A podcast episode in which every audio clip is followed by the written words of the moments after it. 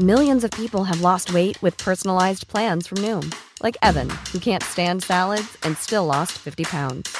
Salads, generally, for most people, are the easy button, right? For me, that wasn't an option. I never really was a salad guy. That's just not who I am. But Noom worked for me. Get your personalized plan today at Noom.com. Real Noom user compensated to provide their story. In four weeks, the typical Noom user can expect to lose one to two pounds per week. Individual results may vary. Hej innebandy Sverige! Välkomna till ett nytt avsnitt. Den här gången har vi med oss Andreas Karlsson. Han är en av svensk innebandys allra största ledarprofiler. Han är född 1987, är en svensk politiker för Kristdemokraterna. Han är riksdagsledamot sedan 2010. Han är invald i Jönköpings läns valkrets. Han är gruppledare i riksdagen sedan eh, 2015 och eh, KDs eh, rättspolitiska talesperson. 23 år gammal blev han invald som riksdagsman. Det är ni. Men det var ju journalist Andreas ville bli. Han fick ju extrajobb på Falköpings Tidning som 14-åring. Han praktiserade på innebandymagasinet som tonåring och han har även skrivit lite artiklar för innebandymagasinet för ganska många år sedan. Och allt hans engagemang för Mullsjö innebandy har ju varit betydelsefullt för klubben. Han har ju varit eh, webbmaster, han har eh, producerat eh, närradio när de har direktsänt matcher för Mullsjö. Han har ju varit Mullsjös informationsansvarig under väldigt många år. Och eh, de senaste åren har han också varit med i Svenska innebandyförbundets förbundsstyrelse. Men nu tänker jag att vi sätter igång det här hyperintressanta avsnittet med Andreas Karlsson. Nu kör vi!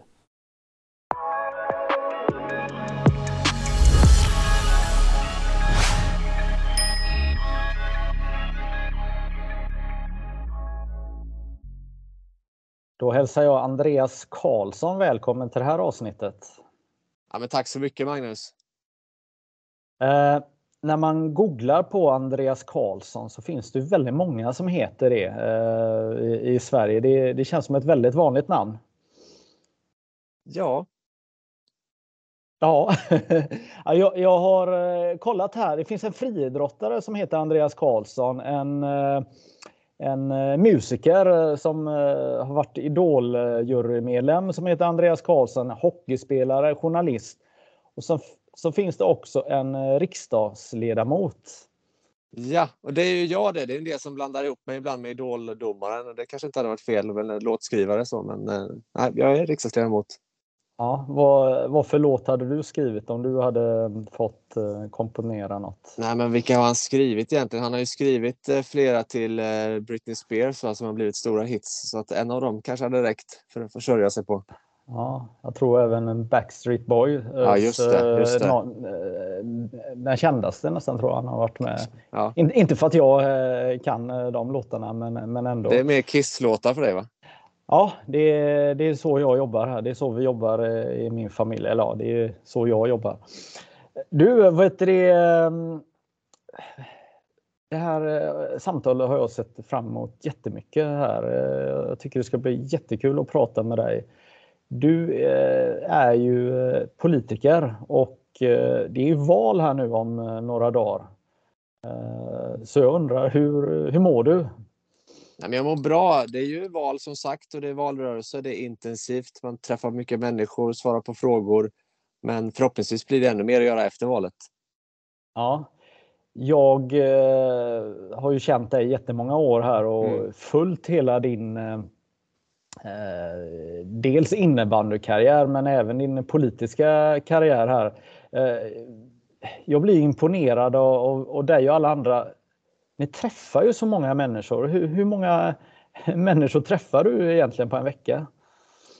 Jag för inte någon statistik över det faktiskt, men det, det, är många och det tycker jag är väldigt kul. Jag får energi av det också och också svara på frågor, förklara vår politik, men också möta väldigt många som är engagerade för det de brinner för. Det är det som politik mycket handlar om, i alla fall ser jag det så, att vara ute och träffa som igår en fårbonde utanför Tidaholm eller föreningsaktiva människor som är frustrerade över någonting, som ser något hinder i vägen för deras engagemang eller det de driver och så vill man försöka vara med och förändra det som politiker.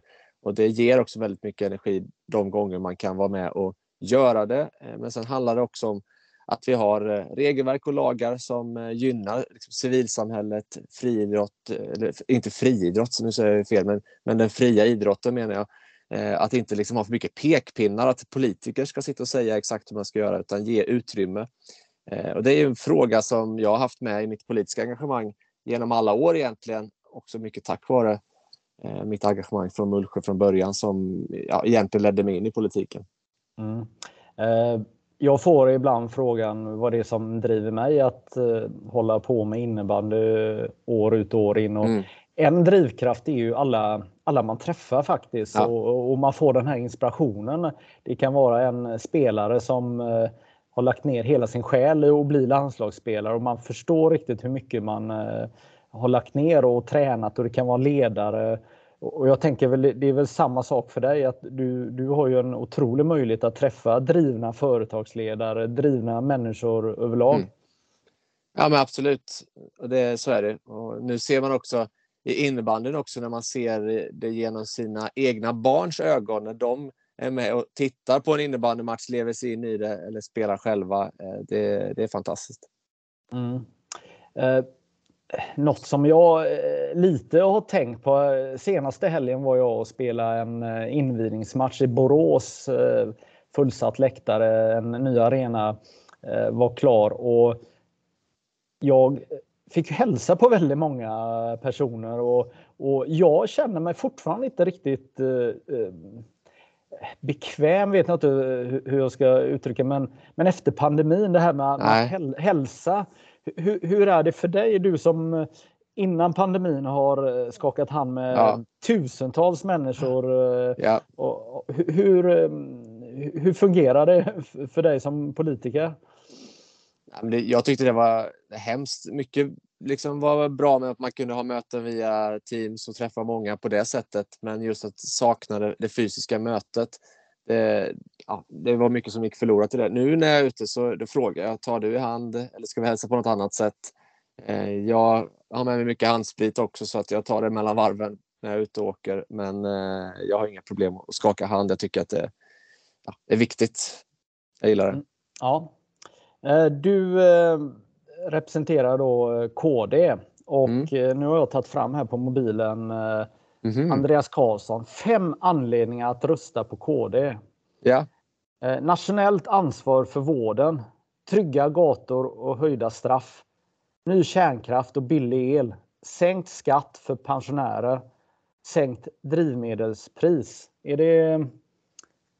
Ja, det fem. Det finns många anledningar att rösta på KD, men där är fem anledningar och det är brännande frågor. den sista delen där med, med drivmedelspriser är ju oerhört viktig nu att komma fram med politiska förslag som gör det mer Ja, men, alltså, man landar lite mjukare i sin egen plånbok där både drivmedelspriser och framförallt elpriserna nu riskerar att gräva stora hål i hushållskassan.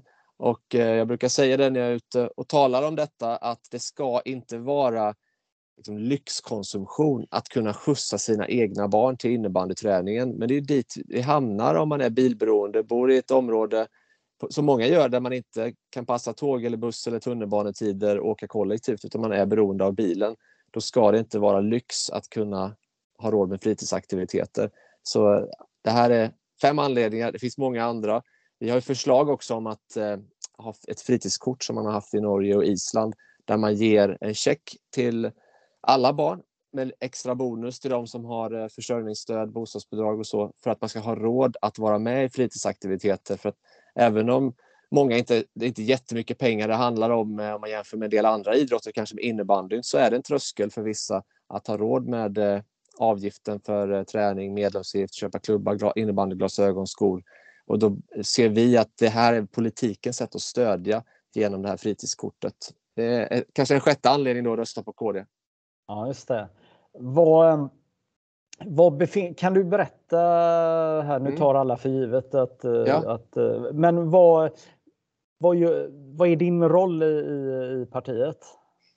Jag är riksdagsledamot sedan faktiskt 12 år tillbaka. Det är länge sedan jag blev invald i riksdagen första gången så att jag kandiderar för min fjärde period i Sveriges riksdag. Eh, jag är gruppledare för KD sedan eh, ja, flera år tillbaka nu. Jag är en veteran även i det sammanhanget, men jag blev gruppledare 2015. Vad innebär det då? Ja, det, det är som en ja, mellanchef eller en ledare där eh, det handlar om att coacha riksdagsledamöterna att de gör sitt jobb och når sin fulla potential. Men sen så förankras mycket politik av mig när man jobbar rent praktiskt i de olika utskotten med andra partier. Så jag jobbar nära partiledaren och håller koll på partilinjen helt enkelt. Och utöver det så jobbar jag också som vice ordförande i justitieutskottet så det är mycket fokus på rättspolitik, lag och ordning, att Sverige ska vara ett tryggt land. Ja, just det. Eh, och du har även hoppat in eh, några gånger för Ebba i olika debatter. Ja, jag var stand-in för henne under tre år faktiskt. När eh, hon inte hade en riksdagsplats så blev det jag som gruppledare som tog de olika partiledardebatterna i riksdagen, Eh, statsministerfrågestunder och, och andra liksom, sammankomster där partiledaren skulle vara men inte, hon inte fick det av, av skäl och att hon inte var vald riksdagsledamot så var jag vikarie kan man säga. Det var väldigt utvecklande och lärorikt och också då gå upp och ta debatt mot statsministern och även kunna lyfta fram innebandy. gjorde jag också i det sammanhanget några gånger. Ja, eh, det har du verkligen gjort eh, snyggt. Eh, Bland annat när eh, Stefan Löfven eh, eh, avslutade sin politiska karriär så fick du in innebandyn där. Ja, men jag gjorde det. Och Stefan Löfven har jag haft mycket debatter mot, men vi har mellan debatterna och i, i fikarum och annat snackat en hel del. Han är ju sportintresserad så att jag tyckte att eh, det var på sin plats att också besöka en innebandymatch. Det, innebandyn är ju eh, Sveriges största inomhuslagidrott och eh, den stora folksporten som också har framtiden för sig. Det borde en avgående men också såklart en sittande statsminister visa stort intresse för, tycker jag. Jag är lite ja. partisk i det avseendet i och för sig. Ja, men det gör du helt rätt det, var, det är ju ändå lite ovanligt att, att man när man har en position i något annat sammanhang att man står upp för innebandyn som du gör. Det, det ska du ha eh, all cred för som finns. Varför tror du att, att, att man på något sätt kanske inte vågar eh, framhäva innebandyn eh, eh, så som du har vågat? Jag vet inte, jag har inte tänkt så mycket på det egentligen utan det har varit så naturligt för mig. Det är en, en del av vem jag är och varför jag har det engagemang jag har som har format mig mycket så att jag har inte reflekterat så mycket om det är något jag har vågat eller inte eller om andra inte gör det. Men det, det är naturligt. Så sportreferenser i Sverige är ganska vanligt för då är det kanske fotboll eller andra idrotter och innebandyn som är en av de största förtjänar den platsen även i det offentliga rummet tycker jag. Mm. Eh, vi ska prata såklart mycket innebandy också, men, men mm. jag tycker att, att det är spännande din resa du har gjort som politiker. Eh, först här, men eh, för att vanligt folk ska förstå, var befinner du dig i, i, en, i trappan i partiet? Alltså, om vi har eh, Ebba då som är eh, partiledare, var, var kommer du någonstans i, i hierarkin? Eller kan man prata i sådana termer? Jo, men det kan man väl eh, göra.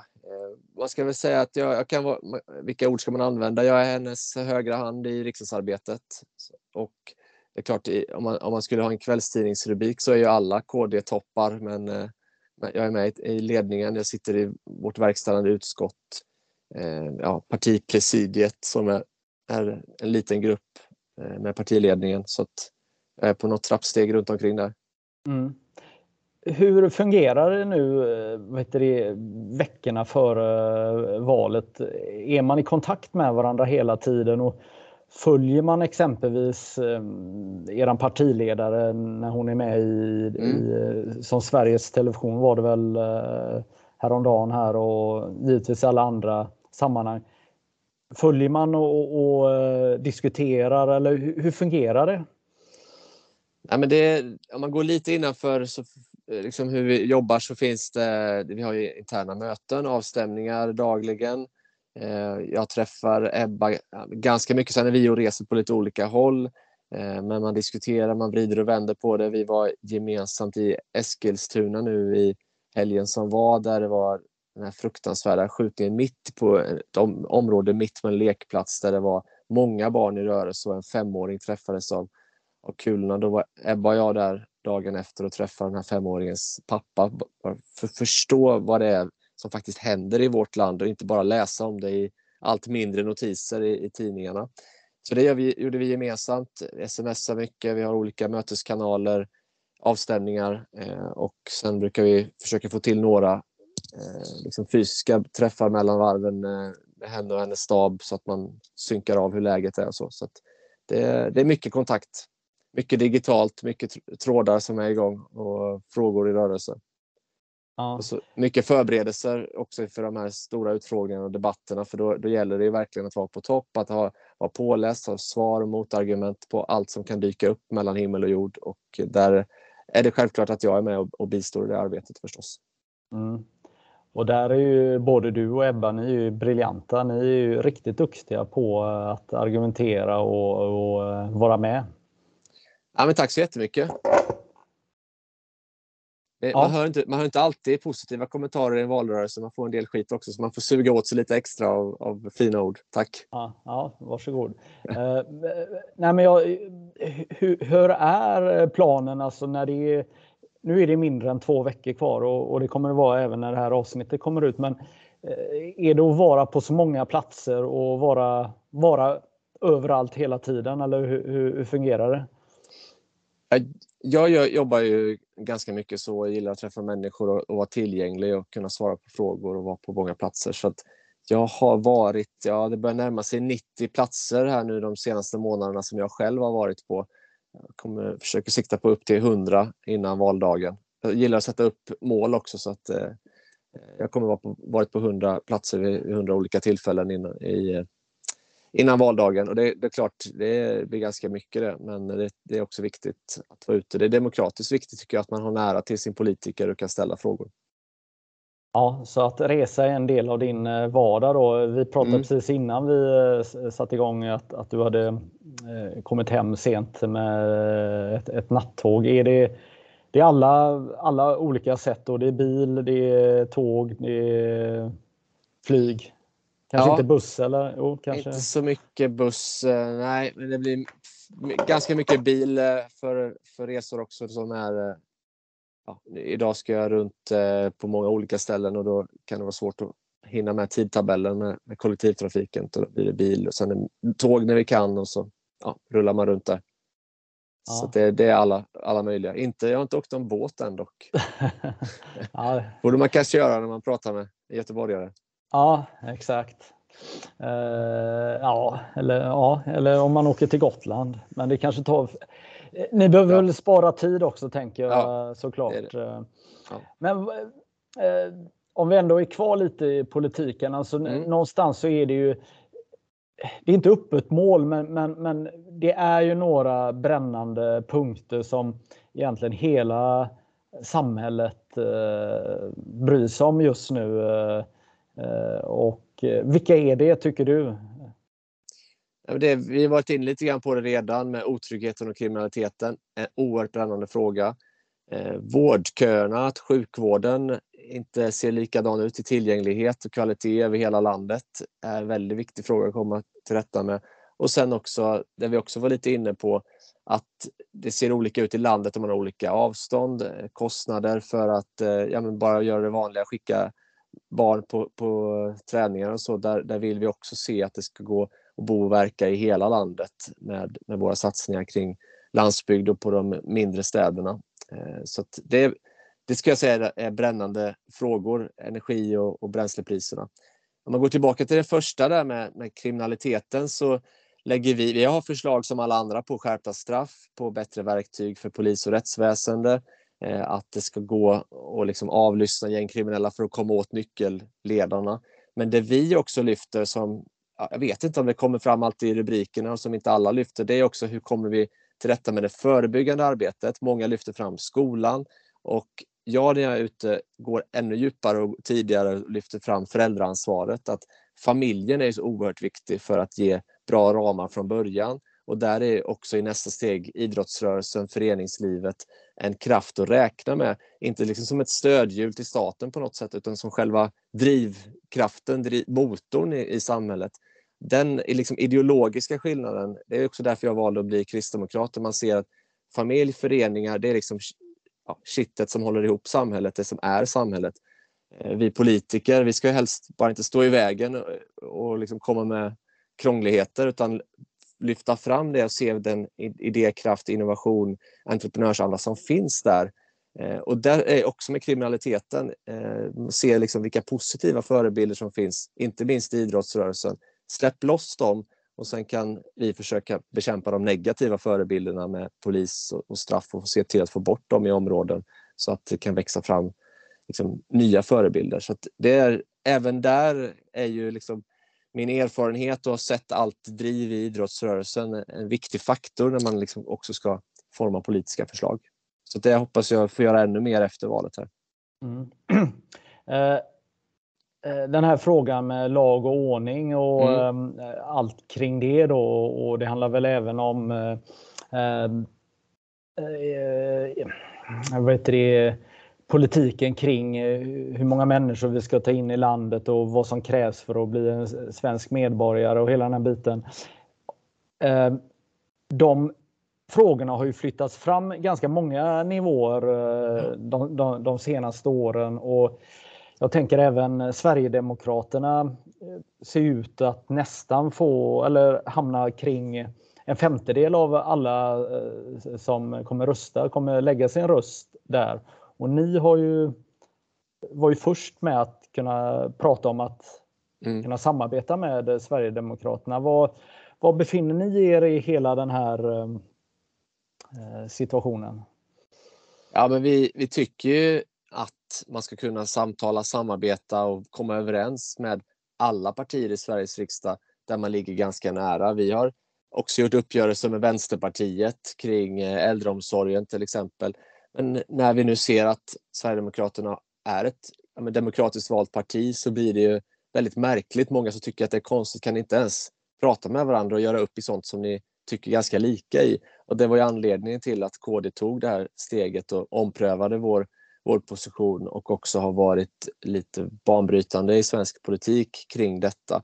Eh, så att, ja, det, egentligen ser vi det ganska odramatiskt. Vi behöver, som vi ser det då, en ny riktning på Sverige och då behöver vi kunna göra uppgörelser med de partier som i sakpolitiken ligger oss nära på kärnområden för, för, om, för, för områden som kriminalitet, eh, elförsörjning, energi. Eh, så det är sådana problem som människor upplever i sin vardag. Om man då inte politiskt ens kan prata med varandra så tror jag att man riskerar att tappa tilltron till hela politiken på sikt. Mm.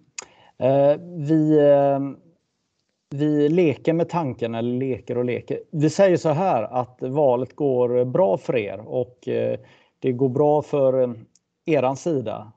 Eh, vem blir statsminister? Ulf Kristersson. Ja, inte Ebba?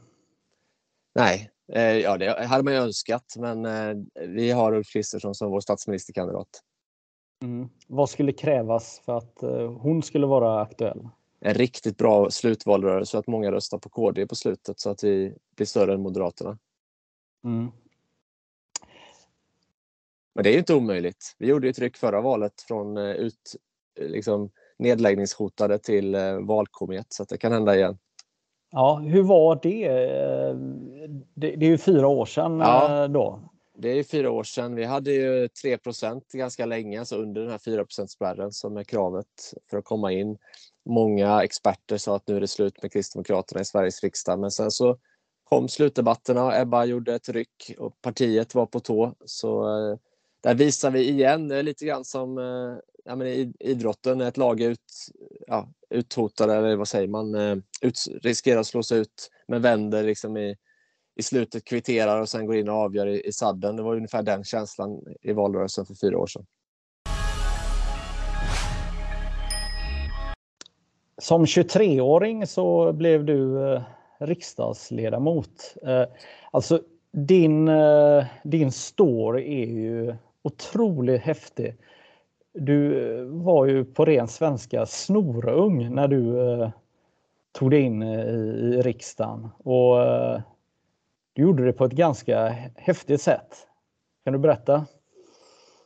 Ja, det, men det, för mig var det så naturligt då när man ser tillbaka lite i backspegeln så är det ju rätt så ja, en, en häftig resa som jag är stolt över att jag har gjort men också att ha fått det stödet tidigt både i, i partiet då, men av alla de som röstade på mig både 2010 och sen när jag blev personvald 2014. Eh, men det började egentligen inte där utan jag kom in i kommunfullmäktige hemma i Mullsjö som 19-åring. Hade inte tänkt att satsa så mycket på politiken egentligen om man ska vara ärlig. Men eh, fick ju mest kryss av alla i, i KD så jag kom ju upp från plats åtta tror jag det var till, till första plats och fick hoppa in och tränga mig bland de tunga gubbarna på första bänk och undra vad jag hade gett mig in på. Men där i Mullsjö så insåg jag att det här är ju på riktigt, det påverkar människors vardag. Jag fick sen chansen att jobba med Alf Svensson i, i Bryssel, i Europaparlamentet ett tag den mandatperioden så jag, jag lämnade del av Mullsjöpolitiken i alla fall. Och så ställde jag upp i valet 2010 och ja, sen dess så har jag varit i riksdagen och ja, man kommer in, man, man möter 23-åringar idag och så tänker man, var det, var det så ung jag var när jag kom in i riksdagen och skulle ställa till rätta med allt och var lite allmänt jobbig var jag säkert också mot en hel del där inne. Men eh, det var, det var en kul resa och den är inte slut än. Nej, Nej jag, eh, många måste nog eh, fått, inte kanske panik, men eh, shit den här unga killen, vilket driv han har och, och vad, vad på han är och, och, hur mycket han kämpar. För det var ju, nu får du det att låta så enkelt. Jag menar du ja du, du kämpade ju stenhårt för det här för nu låter det som mm. att, eh, att du halkar på massa bananskal men, men så var det ju inte. Nej men så var det ju inte. Och just den här kampviljan, ja, det har man väl kanske med sig på något sätt men det var ju också det som vi hade i Mullsjö under de åren. Jag började jättetidigt med engagemanget i klubben och eh, mitt första referat för hemsidan som jag startade var när vi låg i division 3 och hela tiden tro på det omöjliga på något sätt. Eh, det har man med sig eh, och det var också det som var drivande i politiken. Det var folk som skrattade åt mig när jag sa att jag ska kryssa mig in i riksdagen. Men ja, de skrattade. Jag vet inte hur mycket de skrattade sen. Nej, men det var lite längre fram i karriären så drev du väl kampanjen Kryssa för Karlsson? Eller? Ja, ja den var med redan. Den var med 2010. Sen har jag ja. kört den varje val. Jag körde den i år också. Kryssa Karlsson. Det har blivit min slogan så att säga. Ja, Eh, precis. Och, nej men jag som har då följt det mycket via sociala medier och genom den här perioden. Det, eh, jäklar vad du eh, jobbade alltså. Vad, vad, vad mycket folk du träffade och vad du... Du ville verkligen det här också. Ja, ja men absolut. Och har man väl bestämt sig så är det lika bra att köra. Det, så brukar jag tänka kring det mesta. Ska man vara med kan man vara med. Eh, ska jag vara ja, engagerad här kan jag lika gärna driva det 100 procent. Det blir inte bättre av att vara med och såsa. Liksom. Det, det ligger inte för mig riktigt. Och så blev det i politiken också. Ja, och den egenskapen tänker jag är, är viktig för partiet idag och där du befinner dig. Att, att ha mm. det drivet eh, med sig, eller? Ja, men det, så är det ju och det är också det som är kul när jag är gruppledare. Då är ju mitt jobb mycket att förmera det och få andra att vara på hugget och ja, kämpa för det. Det är, det är ju på riktigt. Politik är ju på riktigt. Sen ska man inte ha allt för stor tilltro alltid till politiken kan lösa allting, men att få igenom vår politik tror vi ju skulle göra Sverige bättre. Då, då måste vi ju kämpa för det också. Ja, och eh, sen har du också då representerat ett parti eh, i, i riksdagen också där mm. ni har fått kämpa och man tar inte sina platser för, för givet. Eh. Nej. Det måste också ha varit en krydda i allt det här. Ja, men det är ju det. Och det, I tabellen har vi ju liksom inte legat kring slutspelsstrecket historiskt, utan det har ju varit nedflyttningsstrecket och då är det ju, ja, då har man ju kniven mot, mot strupen. Eh, det som jag har jobbat med mycket nu, både för min egen del men också i mitt ledarskap, är ju att samma liksom, desperation eller drivkraft måste ju finnas också för att ta sig upp på hög, högre upp i tabellen så att säga, så att man inte liksom blir nöjd bara för att nu klarar vi oss kvar, utan nu gäller det att, att klättra i tabellen. Och det tänket, det ligger ju naturligt när man har levt i, i sporten och innebandyn, men det är det liksom mindsetet jag försöker ha hela tiden i politiken också. Ja. Eh, jag har ju personligen ett, ett sånt här eh, magiskt ögonblick i, mitt, eh, i min yrkeskarriär och, och det var eh, när jag och Martin Zetterstedt då, eh, vi som drev innebandymagasinet, när vi var 27 år, eh, då var vi uppe i eh, Norrköping och så träffade vi eh, ägarna till Stadium, två tvillingar. Och då när vi var 27 och hade kört innebandymagasinet ett tag, det var nog första gången vi riktigt kände att de på andra sidan tog en på allvar och man kände sig, hur ska man säga, etablerad och att de tog en på allvar till 100 Jag tänker eh, i ditt fall då när du är 23 år så är du ung. Mm. Och, och, du eh, sitter idag och, och ser på sådana som är 23 år. Och, när, har du några sådana här ögonblick när du känner att ja just det, nu, eh, nu är jag accepterad och ja. Är du med? Jag ja, jag, jag, är med. Och det, för min del, alltså, om man ska förstå Kristdemokraterna så, så har vi ju liksom Alf Svensson som var partiledare i 31 år. Han är hedersordförande. Han är ju liksom nästor i svensk politik. Den som har varit mest känd av, av många partiledare som har varit erkänt fått ja, medalj av högsta grad av kungen för sitt samhällsengagemang. Och att han eh, lyfte upp mig och såg mig från mitt engagemang i Mullsjö egentligen eh, när jag var ännu yngre än 23. Eh, och ja, men lite grann han plockade mig. Jag fick vara med i hans valrörelse och fick chansen att jobba med honom och han backade också upp mig med sitt endorsement eller vad man ska säga i min första valrörelse. Det var väl eh, det in, redan innan jag satt i riksdagen som man kände att wow, det här är ju är det här på riktigt. Jag, jag var ju väldigt politiskt intresserad när jag var i småskoleåldern också. Eh, när man gick i femman och det var val, då lärde jag mig allt om de olika partierna. Och Alf var ju liksom, det var häftigt tyckte man då. Och sen när man liksom i 20, 22, 21, 22 års åldern får den uppbackningen. Det var väl egentligen att känna att här tar någon mig på allvar. Eh, och det gav ju skjutsen in i, i, i ja, politiken och riksdagsarbetet. Så det var egentligen då jag fattade att det här är på riktigt. Liksom. Det var då jag bestämde mig för att, att satsa på detta. Innan hade jag fortfarande tänkt, jag är inne i politiken ett tag och sen så ska jag fortsätta med det som egentligen var jag, vad jag hade tänkt, jobba som sportjournalist kanske på, på Sportbladet eller Expressen. Liksom. Men, men då blev det på riktigt och det var ju mycket att han tog mig på allvar som, som gjorde det. Eh, och det gjorde ju att andra kunde inte heller liksom runda mig riktigt utan eh, man hade någon som backade upp och så försöker jag tänka, nu är jag ju 35 så man är ju liksom inte lastgammal ändå men att hela tiden tänka vilka ungdomar finns det idag? Vilka finns det i KDU? Vad är återväxten? Vilka kan jag ge någonting till för att ja, backa upp att de inte känner att man är på undantag liksom, för att man är ung utan eh, hela tiden tänka på, på nästa generation. Eh, som, i, som i en innebandyklubb så måste du ha en bra breddidrott. Det är inte, man toppar inte laget tidigt men det måste finnas många som ser, det finns förebilder som lyssnar på mig och som eh, peppar mig. Eh, och så ja, försöker jag tänka. Det var lite längre svar kanske än, än vad du hade tänkt på frågan, men, eh, men det var, han tog mig på allvar. Vad kan jag göra idag för att andra ska känna sig accepterade, inkluderade och vara med på riktigt? Inte bara ja, han kan stå på återväxt i 20 år och sen kanske få vara med, utan på riktigt vara med och påverka nu. Och det tror jag är viktigt i, politiken och i allt liksom idag kring den nya generationen. Man är inte beredd att sitta av och vänta på sin tur liksom som det var förr kanske. Man kokar kaffe tio år, sen kan du få ett politiskt uppdrag. Utan man vill vara med och påverka på riktigt på en gång och det, det, det måste man ta på allvar.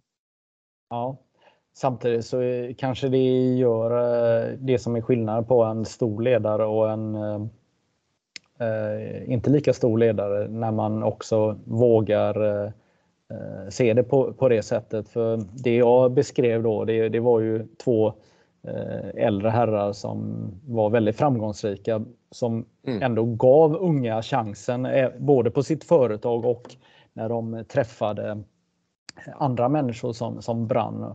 Och I ditt fall här med, med Alf då som, som då var väldigt långt in i sin mm. karriär ändå kunde se så eh, han såg en talang och han såg dig. Mm. Ja, men det, det var häftigt och det är så jag tycker, om man kopplar till innebandy, det är det som ska, innebandy ska vara den sporten. Nu är ju innebandyn etablerad och eh, har varit liksom stor sport länge, men det får inte bli för mossig liksom att man ja, A lot can happen in three years, like a chatbot may be your new best friend. But what won't change? Needing health insurance. United Healthcare Tri Term Medical Plans, underwritten by Golden Rule Insurance Company, offer flexible, budget friendly coverage that lasts nearly three years in some states. Learn more at uh1.com. I'm Sandra, and I'm just the professional your small business was looking for. But you didn't hire me because you didn't use LinkedIn jobs. LinkedIn has professionals you can't find anywhere else, including those who aren't actively looking for a new job but might be open to the perfect role, like me. In a given month, over 70% of LinkedIn users don't visit other leading job sites. So if you're not looking on LinkedIn, you'll miss out on great candidates like Sandra. Start hiring professionals like a professional. Post your free job on linkedin.com/people today. Har liksom etablerade strukturer utan ska fortfarande vara den nyskapande. Ja, och det, det är häftigt och det är där jag tycker att innebandyn är idag ska vara ännu mer att inte bli för stela i sina strukturer nu när innebandyn har några år på nacken utan fortfarande vara nyskapande, inkluderande och ge en plattform för unga att vara kreativa. Inte bara på innebandyplanen utan också i olika engagemang runt omkring som för min del och för många andra som har hittat andra liksom, former att engagera sig tack vare innebandy. Mm. Uh, och innebandyn har ju faktiskt en eh, stor utmaning i just det här att, att släppa fram, att eh, se eh, unga talanger och, och våga ge dem chansen för att min känsla är att vi lite har tappat det, det greppet. Vad tänker du? Ja, men lite kanske. Men det är ju som eh, engagemang överlag så har det ju förändrats och då behöver också innebandyn förändras. Strukturerna behöver förändras. Man behöver se på nytt sätt så att man inte liksom är, tror att det som var modellen när, när jag växte upp och, och fick en plats i en innebandyklubb är samma som, som för den nästa generation så att säga. Och där, där tror jag väldigt mycket på föreningsutveckling, att hitta sätt. Eh, vi pratar mycket om det i, i förbundsstyrelsen, men det behöver ju ner hela vägen i föreningarna och där är det ju mycket liksom det dagliga operativa arbetet. Men hur har man också kraft att, att komma på nya idéer, öppna nya plattformar för unga att vara kreativa. Eh, det, jag tror det finns en stark potential där i innebandyn som inte är fullt utnyttjad. Mm. Jag tänker att vi eh, ska prata lite innebandy också. Mm. Uh, ja, indirekt så är allt det här... Vi har gjort tycker... det lite grann under ja, tiden, ja, men, men, det, ja, men det är svårt att låta bli. Ja. Um, du har ju gjort en, en sån här härlig resa som jag vet jättemånga som tittar och lyssnar på det här också har gjort. Eh, och eh, många av dem som eh, lyssnar och, och tittar på det här då, det kanske är födda på 60-talet, 70-talet, kanske några till och med på, på 50-talet. där man, men du är född 87 så, så du, du är väl egentligen andra vågen eller tredje vågen av eh, innebandyentusiasm. Eh, eh, och eh, du börjar ju väldigt, väldigt, väldigt ung att engagera dig i, i klubben.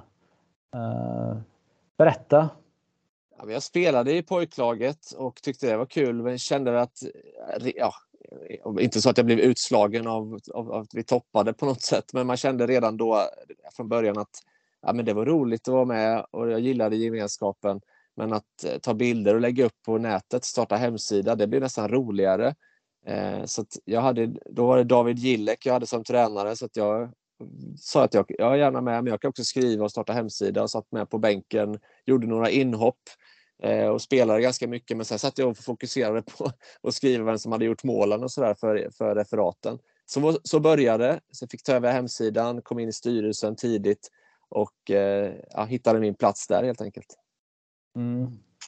Eh, känner igen mig mycket i det. Jag, själv när jag eh, började spela tidigt i, i, i Robertshöjd så eh, som sen spelar högsta serien och då gjorde man klubbtidning, man gjorde matchprogram, man, eh, man hjälpte till med all, alla roller som man kunde tänkas göra, ungdomsledare och, och eh, i mitt fall var det nog också det. Jag tyckte det, det behövdes och, och det, det är kul att se när, mm. när, eh, när saker blir till och, och, man gör det ju, man gör det för alla andra. Man gör det pyttelite för sig själv också, men, men i grunden är det ju att man, man tycker det är kul att vara med. Ja, men absolut. Och sen, eh, jag, jag skrev mitt första A-lagsreferat den matchen faktiskt när Mullsjö säkrade steget från division 3 till division 2. Och sen vet jag inte hur många matchreferat och videointervjuer och så det har blivit, men det har blivit många och det har ju varit för vår egen hemsida, vår egen, våra egna kanaler. Men tidigt så bestämde vi också, vi ska aldrig vara sura på att tidningarna inte skriver om oss, utan vi ska se till att, att de skriver om oss genom att göra det enkelt. Så vi hade eh, killar med bra kameror som tog bra bilder. Vi tänkte vi jämförde oss med hur det ser ut när HV har spelat. Sådana bilder ska vi ha också för innebandyn. Och vi kommer inte stå här och gnälla på Jönköpings-Posten och de andra tidningarna utan vi skickade ett mejl efter varje match med perfekta bilder eh, och även kort sammanställning och gjorde även ja, men nästan utkast till eh, artiklar, skickade färdiga intervjuer eh, när vi låg lägre ner i serierna för att det var en viktig del att skapa uppmärksamhet och engagemang men också få in sponsorintäkter. Så eh, det, det var en strategi vi gjorde som jag var med och, och jobbar väldigt operativt i och som vi pratar om mycket i styrelsen. För att om man ska höja nivån på innebandy kan man inte förvänta sig att alla andra gör det, utan man får göra en hel del själv. Och det kan jag tänka mig vara så för dig också, Magnus, när ni drog igång och, och har varit banbrytande för innebandymedia i Sverige.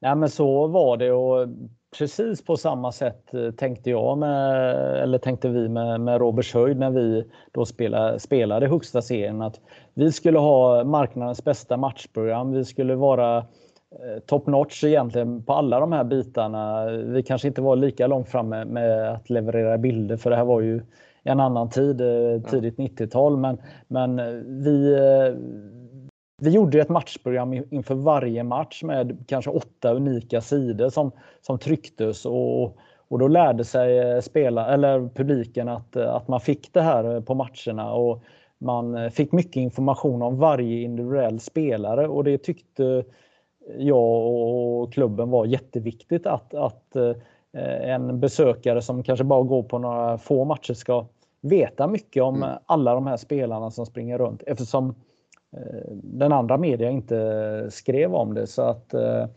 Nej, det är egentligen en magisk tid och jag tänker det som du beskriver klubben tog steget från division 3 till division 2 det är, ju, det är ju ganska långt ifrån där man befinner sig idag och, och någonstans så ehm, är jag helt övertygad om att det, den strategin som, som du drev och, och ni drev har varit avgörande tillsammans med mycket annat i, i Mullsjös resa mot eh, toppen. Ja men absolut, och det, det, är ju många personer som har varit involverade. Eh, inte så många anställda utan det har varit ideella krafter Eh, i media och arrangemangsteamet, också sportgrupp och, och styrelse. Eh, och det är ju flera av dem som är med fortfarande så det är väldigt eh, häftigt. En annan match, eh, jag gör ett hopp där när vi tog steget upp till högsta ligan. Då var vi kvar i gamla Gunnarsbohallen och man trodde nästan att den här hallen skulle rasa för det var, vi tog in lite mer folk men det var, räddningstjänsten var på plats. Allt var, jag ska inte liksom säga att vi bröt mot några regler.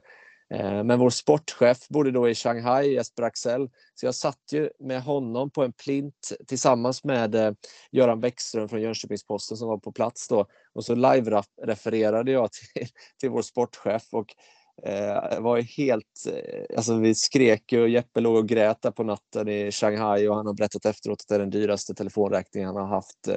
Eh, men eh, Göran Bäckström som var där, han har beskrivit det det är en av hans tre bästa idrottsupplevelser i, i sitt liv och då är han eh, sportkommentator och, och, sportjournalist och har varit på World Cup och fotbolls-VM och allt möjligt. Han tog några sådana stora matcher. Men trycket i den lilla Gunnarsbohallen när vi eh, kvitterade först och sen vann med många sekunder var det kvar mot Älvstranden. Jag kommer inte ihåg riktigt, men det var nio sekunder för kvitteringen och 32 sekunder för, för avgörandet av sadden. Eh, det, det är liksom så här, dela den glädjen och gemenskapen när man också har varit med. Jeppe var ju med och spelade på den, den första matchen där när vi tog steget från division 3 till division 2 och sen engagerad som sportchef och är fortfarande den drivande kraften idag i, i laget. Och eh, det är, liksom, det är minnen som man har men också drömmar för framtiden. Så det blir ju en gemenskap som man inte får med så många andra egentligen när man har lagt ner decennier efter decennier kring detta. Så att,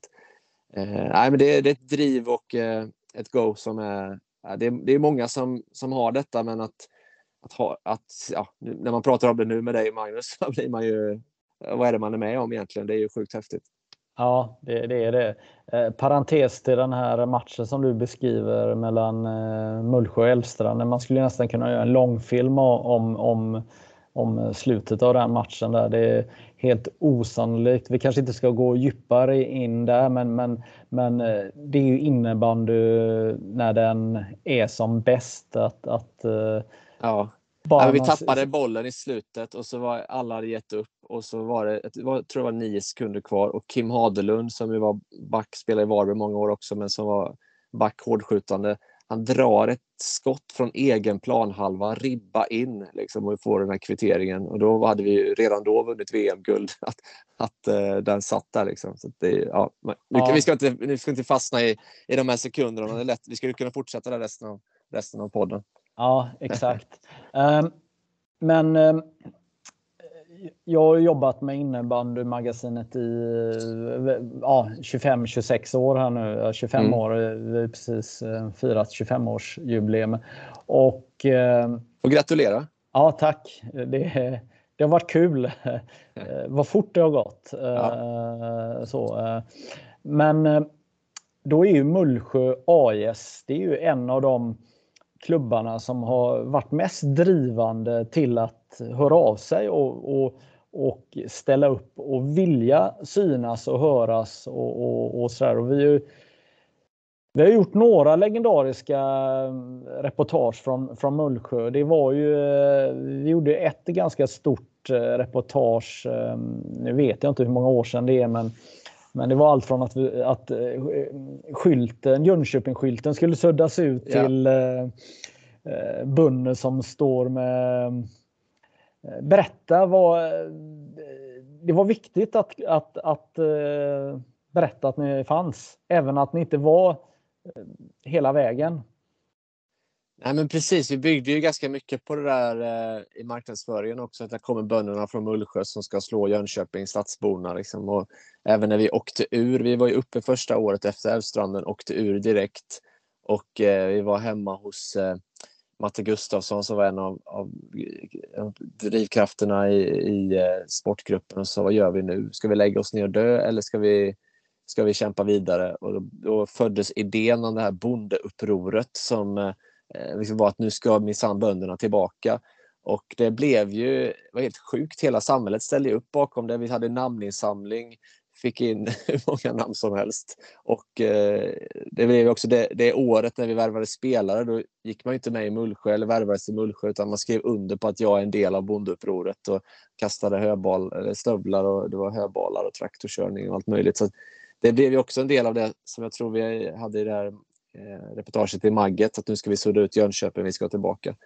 Eh, så att hela tiden hitta kreativa grepp, att inte bara kommunicera eh, alltså att det är en plastboll som ska in i mål, utan det är något, en del av något större eh, och skapa en sammanhang kring detta. Och idag så är ju liksom Nyhemshallen och matcherna, det är ju en av de viktigaste samlingspunkterna i hela kommunen i Mullsjö. Och hela området, det kommer ju folk från många håll. Ja, eh, nu när man tittar i backspegeln så måste man ju faktiskt eh, lyfta på hatten och bli imponerad av just det här eh, att, att ta sig tillbaka. Det, det är ju ganska enkelt att göra egentligen, eller enkelt, det är naturliga många gånger är att nästan lägga sig ner och, och dö efter man har gjort den här ansträngningen att nå högsta ligan och sen så räcker man inte till och då på något sätt acceptera sitt öde men det gjorde inte ni. Nej, vad den här resan som eh, Mullsjö fort, har fortsatt eh, gjort då eh, eh nu när man har etablerat sig eh, på, på allvar. Berätta, berätta om den. Nej, men det har ju blivit ett lag att räkna med och då är det också viktigt att hålla kvar liksom, kampviljan, att man inte liksom lutar sig tillbaka utan hittar nya sätt att engagera sig på. Och, eh, nu ser vi ju i år rent lagmässigt så är det ju ett ganska stort generationsskifte så att det är ju det är lite grann eh, liksom, kniven på strupen varje match igen och hitta vägarna framåt. Men eh, det ser väldigt spännande och bra ut och klubben är ju som sagt det är ju det är den stora aktören i, i samhället så att det är en, del, en stor del av stoltheten. Mm. Eh, när jag pratar med eh, SSL-spelare och de får nämna Eh, lag som är, är kämpiga att möta och, och roliga att möta och eh, arenor som är roliga att spela i så nämns ju i stort sett alltid Mullsjö. Det måste ju vara härligt att höra eller? Ja men det är det ju. Och det, det är ett enormt tryck där, inte minst i slutspelsmatcherna. Så det, det är kul. Ja, och eh, uppkomsten av hallen eh, var ju perfekt eh, mm. i, för Mullsjös situation. Ja, men det, var ju, det här var ju också i början av, av, min politiska bana och ett av mina vallöften då var att vi måste ha en ny idrottshall i Mullsjö. Det, ska man vidga ut det lite, det behövs ju mer halltider och hallar i hela landet så det borde vara en, en större fråga att ge utrymme för idrotten, innebandyn och innebandyn har ju gått ihop med andra bollsporter för att få fram enkla liksom, planer hur man snabbt skulle kunna bygga fler. Men här i Mullsjö behövdes det ju både för, för bredden men extra mycket såklart för eliten när vi gick upp och behövde en ny hall. Och det sammanfaller ju med att eh, pingströrelsen som har sin stora sommarkonferens på det här Nyhemsområdet utanför Mullsjö. Det tältet man har haft i många år hade blåst sönder, man behövde en ny liksom, lösning för samlingslokal. Och då egentligen utan så mycket politisk inblandning så var det en entreprenör i Mullsjö som, som jag hade pratat med några år tidigare och sa att är det innebandyn som är störst, ja, ja men då är det den vi ska satsa på. Eh, och han tillsammans med, med kyrkan och sen också kommunen i, i, i sista steget egentligen eh, hittade en lösning att bygga den här hallen till väldigt bra pris. Eh, som det blir ibland när, politiken och tjänstemän håller sig borta så kan näringslivet lösa det för, för både då idrottsrörelsen och eh, pingströrelsen. Så det blir en otroligt bra kombination där, vilket har varit eh, ja, till stort värde för, för många. Men första året när vi var uppe och den här hallen höll på att byggas så var ju Mullsjö lite ett kringresande sällskap. Vi spelade, spelade många matcher i Jönköping. Men vi la ut matcher även i Falköping, spelade i Skövde. Och då blev det happenings på dem, eh, i de städerna att nu kommer SSL till Falköping, nu kommer SSL till, till Skövde. Och det är också där ja, en del av grunden till att vi är ganska starka i Skaraborg och har plockat in många unga talanger från den sidan Vättern också. Som det är ganska trångt kring, kring Jönköpingsområdet och innebandyn. Men vi har också hela tiden tänkt att, att vårt upptagningsområde, både i engagemang, publik och även spelare, är eh, även vårt kära Västergötland. Mm. Eh, jag vet ju att du har brunnit för många frågor eh, gällande Mullsjö som, eh, som kommun och att det ska bli bra för invånarna där. Men jag tänker också att innebandyn har ju verkligen blivit en faktor för Mullsjö. I, ishockey finns ju Leksand som är väldigt förknippad eh, ishockeyn och Leksand och i Mullsjö så har det verkligen blivit att innebandyn är någonting att vara stolt över. Ja, men det är ju det. Och det, är, ja, det är inte så mycket mer att säga om det, men det är, det är otroligt positivt för en ort att ha det. Det är samlingsplatsen, stoltheten och våra ledord är ju stolthet, gemenskap och, och framåtanda har varit det sedan många år tillbaka. Mm. Och eh, sedan ett par år tillbaka är du eh, medlem i eh, Svenska innebandyförbundets förbundsstyrelse. Mm. Och eh, hur du eh, hamnade där är ju lite annorlunda jämfört med eh, dina andra meriter på, på ditt CV om man tar din innebandykarriär och din politiska karriär där du har jobbat stenhårt för att eh, ta dig dit eh, du är. Här på förbundspositionen så, så var det lite på annat sätt, eller? Jag fick en fråga om jag, om jag ville bli nominerad eh, av ett distrikt och det var i den vevan där det var ja, ganska tråkiga rubriker om eh, bråk mellan FSSL och SEBF om avtal hit och dit. Och det gick så långt att, att faktiskt eh, ja, flera i riksdagskorridorerna undrar vad vi höll på med. Man vet ju att jag är profilerad i innebandy och pratar alltid om innebandy varje kafferast jag kan och de frågar hur det gick för Mullsjö i helgen och sådär. Så att det, nu blev snacket istället kan inte hålla sams ens i innebandyn i Sverige. Vad är det, vad är det frågan om? Johan Persson som idag är partiledare för, för Liberalerna undrar hur det är till exempel. Eh, vi har jobbat tillsammans många år och till, till slut bara växte en frustration. Nej, men vad är detta? Kan vi inte hitta en väg framåt? Innebandyn är ju inte så stor att vi ska liksom hålla på och bråka internt med varandra utan vi behöver jobba gemensamt framåt. Då kom frågan också om jag ville bli nominerad till, till styrelsen. Jag träffade valberedningen och eh, ja, men lät mig eh, nomineras och blev vald. Och på det, den stämman, eller förbundsmötet, när jag valdes in så var det flera nya och den styrelsen som idag sitter, eh, det är väldigt kul att jobba med och det har också blivit, eh, tycker jag, en nystart eh, lite grann för SEBF.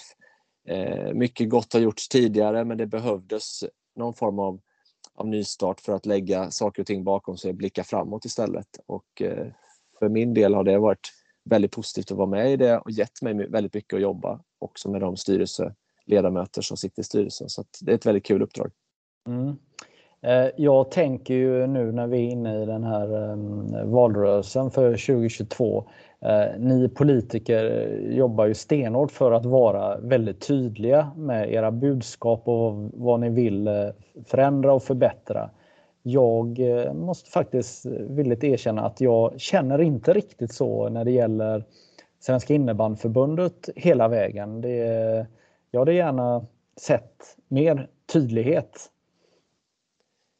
Ja, nej, men det, det kan eh, säkert alltid behövas mer tydlighet. Jag tycker ändå att det är den plattform som innebandy står idag på med de här dokumenten innebandy vill, med innebandyns värdegrund där det är väldigt lätt att, att ta en klubba och vara med. Delaktigheten är, är, hög. Men vad vill vi framåt? Där behöver vi nog vara ännu tydligare att både bredden men också eliten. Och vi är på en resa. Jag tycker att den har eh, börjat bra sen, sen jag kom in i styrelsen. Vi har rekryterat ny generalsekreterare. Jag var med i rekryteringsgruppen och Mikael Alerup som kommer från näringslivet och är van vid att jobba målinriktat och med tydlighet eh, är, tycker jag, rätt person att leda det. Så det, det, finns mycket potential kvar. Framförallt i det jag tror jag pratade om tidigare med föreningsutveckling, att det ska gå hela vägen eh, nerifrån och upp så att säga, att man börjar i rätt ände med vad är det som är innebandy och hur kan vi stärka den i Sverige idag? Eh, så att det blir en, om man tittar på Finland och de har jobbat väldigt målmedvetet och tydligt. Eh, det är ju ingen slump att de har utvecklats på elitnivå men det har inte kommit bara som en blixt från klar himmel utan man har jobbat väldigt tydligt också. Det finns, finns mycket att göra. Mm. Eh, jag säger såklart inte att, att det inte finns dokument och att det inte finns planer men Nej, men det hjälper ju inte att de finns bara, nej. utan de behöver ju omsättas i praktik. Det är det som jag menar också. Ja. Jag eh, blev lite nyfiken här eh, med rekryteringen. Här. Eh, mm. Hur, hur tänkte ni där? Alltså hur, hur, Eh, hur, eh, hur ville ni att eh, den ni sökte skulle vara? Och berätta lite kring det. Nej, men vi behövde en, en förändringsledare som har utvecklat och kan utveckla en, en produkt eller något som har ett stort värde men där finns en potential att göra ännu mer. När vi tittade då på Alerup som dels har varit i AIK fotboll som VD där men framförallt eh, hans eh, Eh, liksom, eh, ja, expertis får man ändå säga och erfarenhet från upplevelseindustrin, turismnäringen, eh, och även har tagit Astrid Lindgrens Värld från ett, ett litet besöksmål i Vimmerby till ett av Sveriges största besöksmål. Eh, även internationellt sett så kommer många till Vimmerby för att besöka där. Och det han har gjort där och gjort med, med, eh, i sitt resebolag och även i andra bolag där han har varit tyckte vi såg väldigt spännande ut och också på det sättet att byggd på värderingar och driven utifrån värderingar eftersom innebandyn är en ideell organisation eh, så är det inte bara en liksom, ja, vän, vad säger man, en ledare som kommer in och vänder upp och ner på allt och sen bara drar utan som drivs av någonting större än sig själv. Eh, det tyckte vi att vi hittade i, i eh, Mikael och hittills har vi dels gjort, och han och Sportkontoret gjort större affärer, fått in mer pengar till innebandyn, byggt på vårt varumärke kring landslagen, jämställdhet och det finns mycket mer att göra här framåt. Så att det, var en spännande rekrytering som, som fortfarande levererar på det han sa när vi satt i rekryteringssamtalen. Han sa att det här kommer jag göra. Då sitter man och checkar av kvartal för kvartal och ser faktiskt att han levererar på det. Så det är ju så med styrelseuppdrag i ett förbund. Det blir ju ganska strategiskt. Man är inte inne i alla detaljer utan man sätter riktlinjer och sen så är det sportkontoret under då generalsekreterarens ledning som jobbar med det operativt. Och det är så det behöver vara. Tror jag. Mm. Ja, och inte minst på marknadssidan har det ju hänt extremt mycket för att vara Svenska innebandyförbundet ja. på, på kort tid. Och det var ju där det fanns störst liksom, utvecklingspotential. Det var där som, som vi behövde börja. Och sen finns det mer saker att göra i nästa steg. Men ska man vända på en, en stor, ett stort skepp så behöver man se vad är det viktigaste att börja med och ta det steg för steg. Eh, och det är det som, som jag tycker att vi gör samtidigt som innebandy varje vecka, varje dag levererar på sitt kärnuppdrag, nämligen ge en plats för barn och unga, framförallt att, att få ett sammanhang, bidra till folkhälsa. Så att Man ska ju liksom inte se ner på var, var innebandyn är idag utan det, det, finns ju en otroligt stark bottenplatta byggd på alla de axlar av ideella ledare som lägger ner timme efter timme. Men att vrida lite till i detta bit för bit kan göra att vi får ännu mer genomslag för, för innebandyn i Sverige och det är det vi drivs av i styrelsen och som jag gärna är en del i att, att förverkliga. Det är väldigt spännande att se vad, vad innebandyn kan vara om 5-10 år när vi nu börjar liksom lägga kursen riktat mot de målen. Mm. Eh, någonting som eh, man har pratat om eh, år ut och år in eh, är ju de här 180 000 spelarna som man vill, vill ha. Eh, kommer vi nå de här eh, 180 000 och är det viktigt? Ja, men det är viktigt dels att, eh, att nå nya men också behålla liksom spelare längre, att man fortsätter med innebandy under längre tid. Nu har ju coronapandemin kommit och ställt till det för all lagidrott, all idrott, all liksom, ideell verksamhet. Så att det behöver man ju ta i beaktande, men jag tycker inte man ska liksom slå av på takten på något sätt utan ha kvar målsättningen, jobba mot att det ska bli fler utövare, så innebandyn blir ännu, ännu större. Inte för, för sig själv utan faktiskt för det värde som innebandy skapar, nämligen som jag sa bidra till gemenskap, eh, folkhälsa och också samhällsnytta. Mm. Eh, kanske är svårt att svara exakt här, men vad, vad är fokusområdena det kommande halvåret för er i förbundsstyrelsen? Ja, men det fokusområdet är ju att, att fortsätta utveckla produkten på, på marknadssidan men att också se hur är innebandyn organiserad. Idag finns det andra sätt så vi inte fastnar i strukturer och ja, vi kan ha dokument i styrelserummen men hur får vi det ut till eh, föreningarna och träffa det rätt? Liksom och föreningsutveckling, att få loss mer resurser till det. Att, eh, ja, ska man bära vattenflaskor, västar, bollar, då kanske man inte, precis som jag sa i inledningen av, av podden, hinner med att tänka, gör vi det här på rätt sätt? Eh, kan vi utveckla detta på något sätt? Utan man har fullt upptagen med att hålla näsan över vattenytan. Då kommer med ett dokument till eller en plan till. Det är liksom inte det som kommer lösa utvecklingen framåt utan det är att, att frigöra men innebandyn är stor, vi har mycket resurser. Frigöra resurserna så att de ligger på rätt ställe i organisationen eh, och se över hur man gör det. Det gör man inte i en kafferast, liksom, men att, se den potentialen är väl också en av, ett av fokusområdena. Och ja, men implementera de målen vi har i innebandy vill, som är ett bra dokument. Men vad är prioritering där? Det är, ju ett, det är någonting vi pratar om i varje möte. Så att det är inte liksom, nu är vi nöjda, nu har styrelsen gjort sitt det är ganska långt ifrån hur det funkar i vårt styrelserum utan vi hela tiden utmanar oss själva att ta steg framåt. Mm. Eh, frågade dig tidigare i det här eh, Eh, samtalet om, eh, om eh, valet eh, skulle gå bra om, och om eh, partiledare Ebba då skulle kunna bli statsminister. Eh, måste jag också fråga Eh, kan du tänka dig att bli en framtida ordförande för Svenska innebandyförbundet? Jag tror att det, jag tror det, det, skulle inte riktigt passa i tid med eh, mitt engagemang i politiken och sen jag försöker också vara ganska noga med, jag är politiker, det är ett uppdrag, sen att vara företrädare för hela Svenska innebandyförbundet som ju är partipolitiskt neutralt. Det kanske inte skulle ja, passa sig om man ska vara krass, men det är ju upp till till valberedningen och medlemmarna att besluta. Jag kommer alltid liksom hålla innebanden högt och hitta olika engagemang för den. Sen är jag 35 nu så att jag har säkert många år kvar och kommer göra mycket. Så att, ja, har man förtroende längre fram så varför inte? Jag stänger aldrig några dörrar men jag tycker det är fantastiskt kul att vara med idag som ledamot och Märit gör ett väldigt bra jobb som ordförande och hoppas hon håller i under lång tid framåt. Mm. Uh, din son har börjat spela innebandy. Ja, det stämmer. Och då är det AIK som... Ja, vi, vi bor i Solna numera, vi är i Mullsjö mycket, men för att få livspusslet att hålla ihop så bor vi i Solna och då blir det natur naturligt AIK. Lasse Granqvist är väldigt nöjd över detta när han träffar på grabben på, på innebandyfinalen när vi sågs senast med AIK-mössan på sig som eh, min son har. Men han spelar innebandy AIK. Han började faktiskt i Hässelby för de hade ett år tidigare knatte innebandy. Och jag själv är lagledare och tränare tillsammans med några andra där så att då får man också se och vara med och verkligen skapa innebandy på riktigt. Så det är väldigt kul faktiskt att se innebandy på det sättet.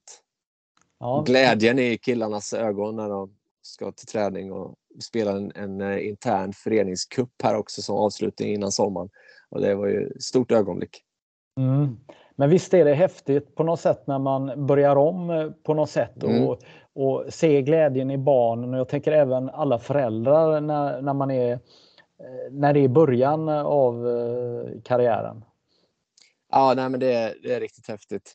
Och jag tycker också det är så coolt när man varit med och liksom kämpat för att innebandy ska, stjärnorna i innebandy ska vara ja, lika självklara som i fotboll. När han då det är Erling Haaland, Alexander Isak, men det är Pelle Tarenius och det är Sebastian Palmqvist eh, och det är eh, Galante Karlström. Liksom han, när han växlar mellan dem i sina lekar. Haaland gör mål och Palmqvist gjorde assisten. Liksom det, ja, det, det är på den nivån innebandy ska vara. Det är, häftigt att se när man mm. leker att vara en av stjärnorna. Simon Möller är ju senaste stjärnan här nu som nya, nyförvärvet i Mullsjö. Ja, just det. Eh, jag tänker att vi är framme vid slutet här av vårt samtal här och du har ju eh, eh, berättat lite vad du hoppas av valet. Men vad, om du får önska några saker som ska hända med innebandy den här säsongen, vad, vad skulle det vara?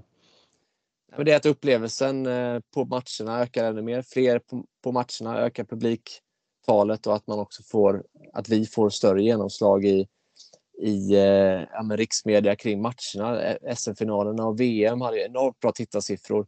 Men det finns potential även i, i Svenska cupen och, och SSL-matcherna. Eh, så att mer in, inbrott där i sportmedia. Mm. Det är ju och, loket som drar eh, engagemanget i bredden. Ja, och eh, jag eh, kräver ju också att du ska fortsätta med det, att få in lite innebandy i eh, politiken. Och få, har, kan du ge mig någonting? Har du någon eh, idé hur du kan få in innebandyn på något hörn under året som kommer? Ja, men vi har ju vår, eh, vår eh, innebandyturnering i riksdagen där vi hade ju världens bästa domare som dömde där. Eh, Thomas och Håkan var, var där innan de drog till VM och det höjde nivån. Det är ett sätt att, att höja nivån för de som möter innebandyn även liksom som sport i riksdagskällaren. Men sen, jag sticker gärna in innebandy som exempel och lyfter fram det som en naturlig referens. Det är liksom inget konstigare än att prata om andra, andra delar av idrottsrörelsen. Så det kommer jag fortsätta med. Mm. Du får gärna komma med idéer om du har också. Ja, ja jag ska klura här. Det är ju alltid enklare när man eh, eh, ska be någon annan göra någonting än, än en själv här. Eh, så att ja, absolut. jag är lite nyfiken här.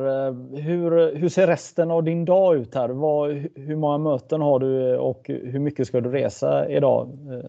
Idag gör jag besök i, i Stockholmstrakten. Jag ska faktiskt eh, försöka hinna träna också någon tid av dagen. Ta något möte kanske med mutad, mutad mick. Men eh, det är viktigt att få in, in träningen. Så den har jag nu under förmiddagen. Sen ska jag till, till eh, Sollentuna, jag ska till eh, Sigtuna, Upplands Väsby, Upplands-Bro och sen har jag ett valmöte i Ekerö ikväll. Så det blir fem fem stopp med väljarkontakter idag i kampanjarbetet. Men det är inom en lite mindre radie så det åker till hela landet runt idag. Ja, så det är arbetsdagar eh, fram till valet och eh, kanske någon dag ytterligare från sju på morgonen till midnatt eller vad? Ja, nej men det, det, blir, det är svårt att räkna när man börjar och slutar men eh, jag försöker vara noggrann med det också att ha tid för för familjen, för egen träning, för att hålla sig skarp in hela vägen. Eh, och att eh, barnen känner igen mig efter, efter valdagen också. Mm. Andreas, tack så mycket för att du eh, var med i det här samt, avsnittet. Ja. ja, men jättekul. Tack för möjligheten Magnus och lycka till med resten av din dag. Even when we're on a budget we still deserve nice things. Quince is a place to scoop up stunning high-end goods for 50 to 80% less than similar brands. They have buttery soft cashmere sweaters starting at $50, luxurious Italian leather bags, and so much more. Plus, Quince only works with factories that use safe, ethical, and responsible manufacturing. Get the high-end goods you'll love without the high price tag with Quince. Go to quince.com/style for free shipping and 365-day returns.